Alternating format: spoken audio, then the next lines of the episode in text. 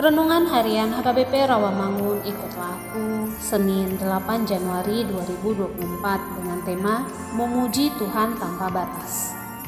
Bacaan kita pada pagi hari ini diambil dari Matius pasal 11 ayat 25 sampai dengan ayat 30. Dan bacaan kita pada malam hari ini diambil dari Roma pasal 8 ayat 9 sampai dengan ayat 10.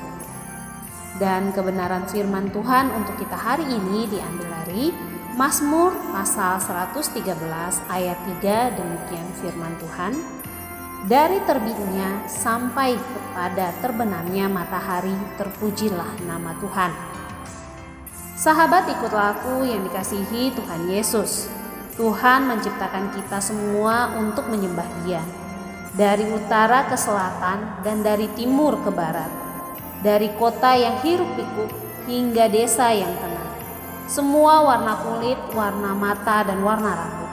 Semua bentuk, ukuran, dan kepribadian.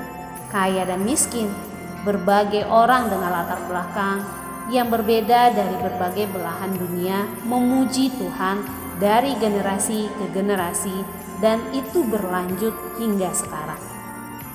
Dan kita tahu bahwa hal itu tidak akan berhenti dalam Wahyu pasal 7, Yohanes mendapatkan visi lautan manusia yang luar biasa banyaknya dari setiap bangsa, suku, negara, dan bahasa berdiri di hadapan tahta dan anak domba yang adalah Kristus. Mereka melayani dan menyembah. Sepanjang siang dan malam, umat Tuhan dahulu, sekarang, dan yang akan datang adalah penyembah.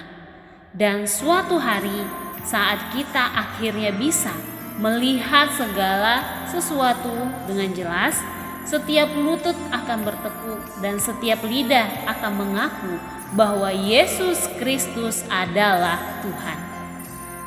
Dan hari ini kita tidak perlu menunggu untuk menyembah. Saat sinar mentari melewati jendela, kita bisa menyembah. Saat langit malam berubah menjadi lembayung senja, kita bisa menyembah. Saat berada dalam musim penantian, kita bisa menyembah. Saat berada dalam musim panen, kita bisa menyembah. Saat hati hancur, kita bisa menyembah. Saat hati bersuka cita, kita bisa bernyembah.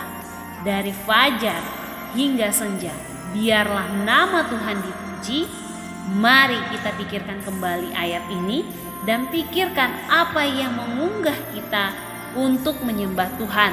Lalu pusatkan hatimu kepadanya agar pujian kita tetap untuk selama-lamanya. Amin. Marilah kita berdoa. Betapa baiknya Engkau ya Allah yang terus memelihara hidup kami dari waktu ke waktu. Amin.